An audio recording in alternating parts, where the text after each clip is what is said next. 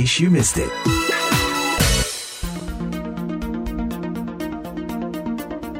In case you missed it, Juni lalu Menteri Pariwisata Sandiaga Uno mengumumkan rencana menjadikan Bali sebagai pilot project wisata vaksin di Indonesia. Nah tujuannya membantu percepatan program vaksinasi nasional sekaligus menghidupkan kembali industri pariwisata dan perekonomian Bali. Meski sejak diberlakukan PPKM darurat 3 Juli lalu, Menpar pun akhirnya menunda, menunda sementara rencana wisata vaksin dan program-program pariwisata lainnya. Tapi sebetulnya seperti apa sih gambaran program wisata vaksin yang direncanakan pemerintah ini? Aman dan etis nggak ya kira-kira praktik wisata vaksin ini? Nah untuk membahasnya, kali ini saya Rifan Dwi Astono sudah bersama dengan dua narasumber. Ada Kepala Dinas Pariwisata Provinsi Bali, Pak Iputu Astawa. Apa kabar Pak? Baik, ya salam sehat selalu, ya. Dan juga kita sudah bersama dengan Pak Hermawan Saputra, anggota Dewan Pakar Ikatan Ahli Kesehatan Masyarakat Indonesia. Apa kabar Pak? Baik, sehat. Semoga sehat selalu juga. Iya, semoga kita selalu sehat ya Pak ya di tengah krisis seperti sekarang ini ada PPKM darurat lah, varian Delta merajalela lah. Tapi pertama-tama kita ke Pak Putu dulu nih. Pak Putu, kita sudah dengar uh, pengumumannya wisata vaksin di Bali akan disusun. Seperti apa sih wisata vaksin yang dimaksud ini?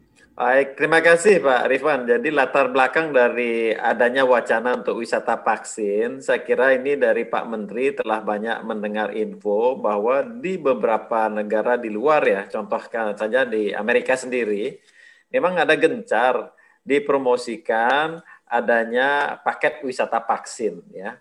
Nah, tentu ini uh, uh, merupakan momentum yang bagus juga daripada ke Amerika jauh-jauh, kenapa tidak ke Bali saja? Kan gitu ya. Jadi sekalian berlibur ke Bali juga sekalian bisa mendapatkan vaksin. Wisata vaksin ini sendiri nantinya uh, kalau boleh digambarkan semacam skemanya lah, Pak.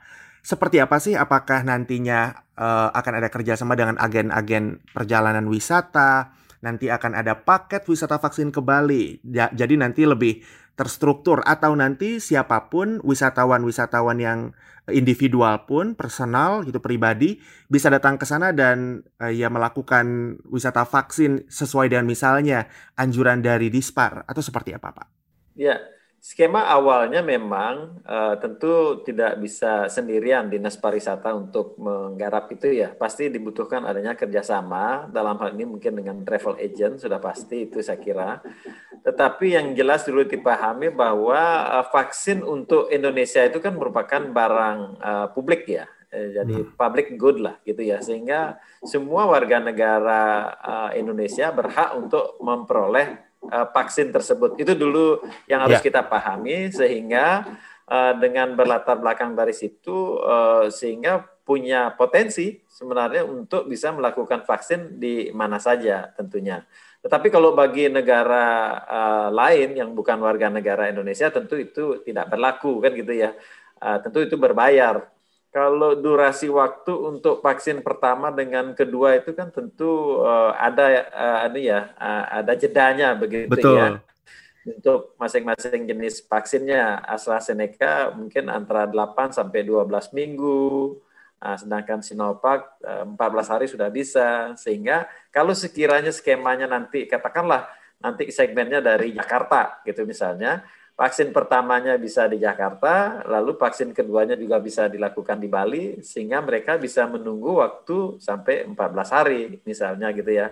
Atau hmm. sebaliknya, eh, satu dan dua bisa dilakukan di Bali, nah, sehingga ini akan bisa meningkatkan okupansi hotel kami tentunya ya. Sehingga saya sendiri dari Dinas Pariwisata tentu sangat berterima kasih adanya kebijakan itu, karena memang tugas kami adalah untuk mendatangkan wisatawan yang sebanyak-banyaknya. Pertanyaan berikutnya adalah tadi Bapak sempat menyinggung soal uh, apa namanya bahwa kalau untuk warga Indonesia yaitu harus gratis karena memang itu akses yang harus diberikan kepada uh, warga Indonesia sementara untuk warga asing itu berbayar. Dan saya juga sudah uh, dengar bahwa Pak Sandi berencana kalau yang uh, warga as warga Indonesia akan diberi ya misalnya Sinovac atau AstraZeneca yang memang uh, sudah didistribusikan uh, sekarang lewat program vaksinasi nasional. Sementara kalau yang untuk warga asing itu akan diberikan vaksin lewat skema uh, vaksin gotong royong. Berbayar, ya berbayar tentunya. Ya. Itu berarti vaksinnya diperjualbelikan atau seperti apa sih Pak maksudnya kalau gotong royong ini? Karena kan yang kita tahu kalau gotong royong ini biasanya perusahaan yang beli terus disuntikan ke karyawannya misalnya kayak gitu. Ya. Yang sepanjang yang saya tahu ya, jadi ada skema yang memang vaksin gratis itu khusus untuk yang ditujukan bagi warga negara Indonesia, sementara untuk vaksin bagi warga negara lain selain Indonesia tentu skemanya adalah berbayar. Katakanlah kita dalam rangka untuk wisata vaksin ini berasal yang berkeinginan itu dari luar negeri. Nah, tentu hmm. skemanya ini tidak sama dengan yang dari warga negara Indonesia sendiri. Nah, sehingga yang saya dengar kebijakan dari Pak Menteri khusus untuk yang wisata vaksin bagi warga negara yang berasal dari luar Indonesia itu skemanya adalah berbayar. Nah, entah bagaimana proses kebijakan di pusat nah, itu tentu uh, kami tidak paham pastinya uh, bagaimana proses penyediaan vaksinnya, Uh, tentu ini erat kaitannya koordinasi dengan Menkes saya kira. Hmm. Itu Pak Rifan. Tapi memang berarti sejauh ini uh, perencanaan mendetail soal wisata vaksin ini memang memang belum sampai ke sana ya Pak ya. Kalau boleh tahu sudah sejauh mana sih Pak rencana ini? Nah, sebetulnya baru kita koordinasi sekali ya. Ini keburu ada PPKM darurat ini hmm. sehingga akhirnya terputus jadinya tidak lanjut ini. Tetapi hmm. yang sempat saya uh, konfirmasi Pertama dari latar belakangnya kan masuk akal, Pak. Daripada warga mhm. negara kita itu keluar untuk ber apa vaksin, tentu ini kan kurang bagus bagi devisa Indonesia kan gitu ya. Nah, kenapa agar devisa kita itu tidak lari keluar, cukup beredar di Indonesia saja, kita fasilitasi bagi yang berkeinginan mendapatkan vaksin sambil berlibur ya datang ke Bali kan gitu ya. Ini kan sangat uh, rasional, sangat logis uh, jalan pemikirannya, sehingga tinggal diikuti dengan uh, skenario kebijakannya. Pertanyaan saya yang pertama buat Pak Hermawan, secara umum sebetulnya wisata vaksin itu sendiri aman nggak sih untuk dilakukan Pak di tengah situasi pandemi seperti ini? Baik, ini pertanyaan yang menarik sekali ya. Di dalam konteks mobilitas ini kaitan dengan uh, perspektif epidemiologi dan kesehatan masyarakat, seharusnya orang itu baru boleh bermobilitas ke mana-mana itu kalau sudah divaksin itu pun dilengkapi dengan variabel yang lain tidak hanya vaksin begitu. Nah maka hmm. berkaitan dengan uh, vaksin itu sendiri euphoria and efficacy. Kenapa menjadi euphoria and efficacy? Ini kan kalau ada label wisata vaksin seolah-olah maknanya setelah divaksin boleh ke mana-mana kan begitu. Hmm. Nah, padahal gitu ya, ini ini yang harus kita hati-hati sekali. Orang kalau sudah divaksin itu belum ada jaminan 100% gitu ya, 100% bahwa mereka memiliki level proteksi yang baik. Karena apa? Dengan kita vaksin di Indonesia yang menggunakan uh, Sinovac dan AstraZeneca sejauh ini itu level efikasinya hanya 65,3 persen kan, 60-an persen. Jadi bahkan dengan adanya varian Delta uh, yang signifikan sekarang, itu menyebabkan terjadi penurunan uh, level efficacy. Mungkin sekitaran hmm. 40 sampai 50 persen saja. Jadi kalau misalnya kita respon imunitas dan kekebalan hanya 50-50, bagaimana mungkin kita bisa menjamin uh, efficacy sehingga wisata ini menjadi sesuatu yang aman, terkecuali tetap diikuti dengan protokol kesehatan yang ketat juga bahwa tidak ada toleransi di dalam penggunaan masker. Itu semua orang tetap wajib bahwa tidak ada uh, excuse terkait dengan kerumunan dan keramaian. Tetap harus jaga jarak dan bahwa setiap orang juga memperhatikan awareness ya personal hygiene-nya dengan baik tidak uh, melakukan aktivitas-aktivitas yang beresiko di area publik. Sehingga hal-hal ini harus menjadi uh, apa namanya kampanye yang hmm. lebih juga. Dari segi keamanan kalau memang seperti itu prakteknya apakah aman Pak? Karena kan berarti itu banyak sekali istilahnya apa ya item-item yang harus dimasukkan dalam pertimbangan. Lah kalau orang yang belum vaksin, berarti cuma tes PCR aja nih untuk bisa memastikan dia masuk ke sana. Terus apa yang bisa menjamin dia tidak buk, uh, tidak menyebarkan dari tempat dia berasal kayak gitu-gitu kan Pak? Gimana tuh Pak? Maka ini sangat berbahaya. Hmm. Ya, jadi kalau vaksinnya itu baru ada di Bali, pertanyaannya, mereka berangkat dari rumahnya dari mana? Hmm. Kemudian naik apa? Selama di perjalanan apakah seorang diri atau tidak? Hmm. Begitu turun ke Bali melalui bandara publik atau tidak? Sampai ke tempat vaksin, ngapain? Ke mana aja? Jadi rangkaian perjalanan itu adalah rangkaian yang penuh resiko. Dan ketika orang terpapar sebelum vaksin, vaksin itu bukan obat. Kita harus pahami. Vaksin itu bagian dari primary prevention, upaya pencegahan, bagian dari public health initiative, upaya kesehatan masyarakat. Jadi kalau selama perjalanan orang itu tidak memiliki proteksi, belum merasakan apa-apa, terus divaksinnya di Bali, Jangan-jangan dia terpapar di dalam perjalanan, entah di pesawat, entah di bandara, entah dia saat di taksi berangkat dari rumah, entah dia di eh, area publik mana yang dia bersentuhan dan lain-lain. Terus sampai di Bali baru divaksin. Hampir dipastikan bahwa vaksin itu nggak ngefek dan nggak ngaruh. Hmm. Betapa banyak kita menemukan ya eh, kasus orang itu sudah divaksin sampai suntik kedua kali itu dengan AstraZeneca ataupun Sinovac itu positif setelah dia merasa sudah divaksin. Dan itu terjadi juga karena euforia vaksin. Gitu. Jangankan orang yang uh, merasa terpapar sebelum itu, kemudian baru divaksin dan akhirnya positif. Orang yang betul-betul menjaga vitalitasnya saja, kemudian melakukan vaksin pada waktu yang tepat yang sudah ditentukan sampai sudah dua kali suntikan, itu juga masih rentan dan bisa terpapar uh, oleh COVID. Jadi yeah. begitu banyak pertaruhannya sehingga program ini memang belum tuntas ya secara konsep dan terutama saya berharap teman-teman Kementerian Pariwisata dan khususnya Pak Menteri, Mas Menteri, bicaralah dengan ahli kesehatan masyarakat, konsultasilah dengan ahli epidemiologi sehingga resiko itu betul-betul terukur dan termitigasi dengan baik. Jangan sampai kita mengambil uh, sebuah kebijakan tetapi menjadi bumerang untuk anak bangsa kita sendiri. Yang jadi argumen pemerintah kemarin juga adalah bahwa kenapa mereka terpikirlah untuk membuat va wisata vaksin di Bali karena Bali tingkat vaksinasinya sudah uh, lebih dari 70% yang uh, dua kali atau dua dosis vaksin. Tanggapan Bapak gimana tuh Pak? Itu indikator input. Indikator hmm. output dan outcome-nya, lihat angka kesakitan dan kematian saat ini di rumah sakit-rumah hmm. sakit di Bali. Nah, artinya hmm Uh, inilah hal-hal yang tidak serta-merta seperti kalkulasi yang indah di atas desain kebijakan. Kita ingin menyelamatkan Bali dari segi ekonomi, tapi sekaligus menyelamatkan nyawa dan jiwa masyarakat kita di Bali. Itu yang utama. Hmm. Pak Putu, kalau misalnya wisata vaksin ini jadi dijalankan nanti, misalnya setelah situasi mereda, sudah bisa dikendalikan, infrastruktur apa yang harus dimiliki oleh Bali agar wisata vaksin ini bisa berjalan lancar lah. Iya.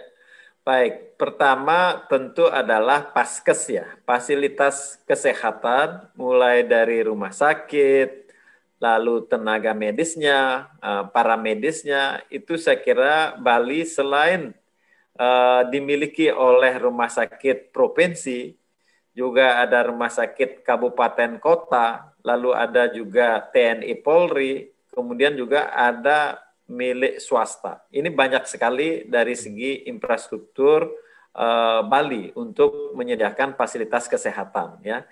Itu dari aspek uh, apa medisnya. Sedangkan kalau accessibility untuk menuju Bali, saya kira kan bandara dengan pesawatnya itu sangat lancar ya. Jadi saya kira tidak ada kendala kalau beliaunya itu untuk memperoleh accessibility menuju Bali saya kira sangat siap. Apalagi bicara tentang akomodasi gitu ya. Hmm. Apalagi kalau sambil berliburnya ada objek-objek yang 14 hari itu saya kira ini sangat apa menyenangkan lah, tidak terasa lah kalau beliau itu uh, berlibur di Bali saya kira Pak uh, Rifan. Jadi sangat siap lah kita untuk menyongsong kunjungan uh, wisatawan yang ingin bervaksin di Bali. Itu Pak Rifan.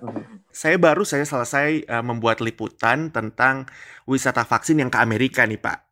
Nah, kemarin saya sempat wawancara beberapa narasumber uh, orang Indonesia yang ke sini untuk vaksin. Ada yang sudah balik lagi ke Indonesia, ada juga yang baru ingin, baru akan. Beberapa alasan mereka itu kenapa istilahnya tidak mau menunggu vaksin di Indonesia atau kenapa ngebet kok pengen vaksinnya di Amerika adalah karena justru pilihan vaksinnya. Jadi kalau di Indonesia itu kan uh, saat ini yang sudah uh, diizinkan BPOM Sinovac dan juga AstraZeneca. Nah, mereka ada beberapa yang saya wawancara ada yang merasa merasa lebih terlindungi kalau misalnya dapat vaksin katakanlah yang merek Pfizer atau Moderna atau Johnson Johnson. Nah, nanti dengan wisata vaksin di Bali strateginya kayak gimana nih Pak untuk istilahnya menangkap atensi mereka dan agar mereka mau ke eh, ke ke Bali karena kan tujuannya tadi itu biar yang pada pengen keluar ya nggak usah keluar ke Bali aja gitu istilahnya. Ya, ini kan menurut saya kembali kepada jiwa nasionalisme ya. Jadi uh, untuk vaksin uh, mengenai efektivitas AstraZeneca maupun Sinovac memang tidak menjamin 100% begitu ya akan bisa melindungi. Kalau nggak salah kalau Sinovac dan AstraZeneca itu di sekitaran angka 60 365 persen begitu ya, tetap hmm. juga tidak 100 persen sebagaimana yang digunakan juga oleh banyak negara. Tetapi kita kan punya pertimbangan-pertimbangan ekonomi yang lain begitu ya, hmm. sehingga dibutuhkan semacam tagline untuk lebih mencintai Indonesia lebih ingin berlibur di dalam saja kan gitu ya. Ini kan berkaitan dengan persoalan devisa ya. Di tengah-tengah pandemi COVID ini kita kan sangat susah uh, memperoleh devisa. Kalau saya berpikirnya adalah sangat dibutuhkan sekali adanya keberpihakan dari masyarakat Indonesia untuk lebih meningkatkan rasa nasionalisme gitu ya.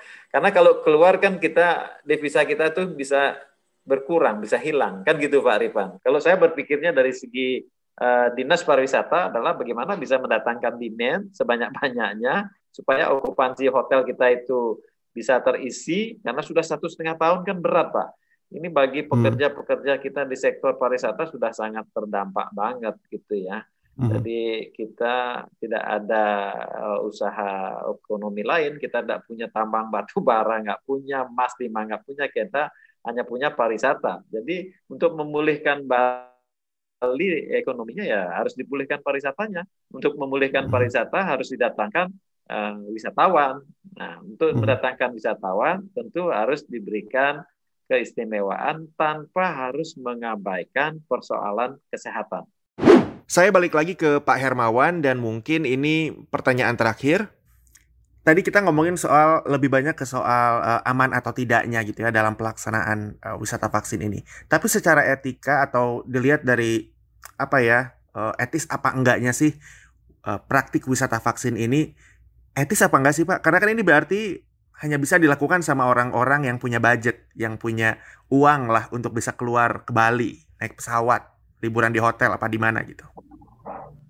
Ini menjadi apa ya uh, ironis ya karena rasa keadilan akhirnya tidak di, didapatkan. Yang disebut keadilan itu dalam teori vaksin uh, itu harus accessible and affordable terjangkau secara biaya, tetapi juga aksesibel, bisa diterima oleh keseluruhan uh, masyarakat di mana pun berada. Anggaplah di Bali. Tadi sudah disampaikan di Indonesia ini program vaksinasi itu masih pada program nasional. Untuk program gotong royong yang jalur private korporasi itu beda skemanya dan itu juga masih antri panjang masih puluhan ribu perusahaan yang belum dapatkan hak untuk itu walaupun sudah berniat untuk berkontribusi. Hmm. Nah, kalau di Bali itu menggunakan vaksin adalah vaksin program nasional, masyarakat yang digratiskan tanda kutip. Nah, sementara wisata itu tertiary need. Jadi kita harus ingat, tadi persis seperti yang Bung Rifan sampaikan, orang yang berwisata ke Bali itu orang sebenarnya golongan menengah dan ke atas, betul? Orang-orang yang punya budget lah. Orang yang punya budget, punya duit, mereka tertiary need. Tetapi ketika mereka diiming-imingi wisata di sana disuntik dengan vaksin yang tanda kutip dijamin gratis oleh pemerintah, yang vaksin ini peruntukannya untuk primary need.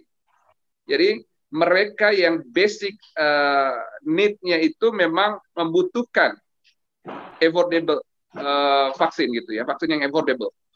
Nah itu itu peruntukan dari vaksin ini. Tapi kalau akhirnya mereka yang punya duit yang datang ke sini dan mendapatkan itu, itu juga menjadi ironi. Dan kecuali Indonesia secara koorporasi ada sektor yang mengelola dan memang yang hadir di situ adalah warga korporasi sehingga mereka mendapatkan yang vaksin yang uh, non uh, public program begitu. Nah ini yang harus menjadi catatan. Tentu banyak diskusinya ya dan uh, kita ingin meluruskan agar pemerintah juga tidak salah dalam melangkah dan mengambil sikap. Terima kasih Pak Putu dan Pak Hermawan atas obrolannya di In Case You Missed It. Yang pasti kalau situasi sudah terkendali dan program wisata vaksinnya jadi dijalankan, kita perlu ngobrol lagi nih Pak untuk membahas progresnya ya. Sip, ya. Terima kasih oh, iya, banyak Pak Rifan. Demikian obrolan saya dengan I Putu Astawa, Kepala Dinas Pariwisata Provinsi Bali, dan Hermawan Saputra, anggota Dewan Pakar Ikatan Ahli Kesehatan Masyarakat Indonesia. Simak lagi obrolan dengan topik menarik lainnya di In Case You Missed It episode berikutnya. Saya Rifan Astono, sampai jumpa.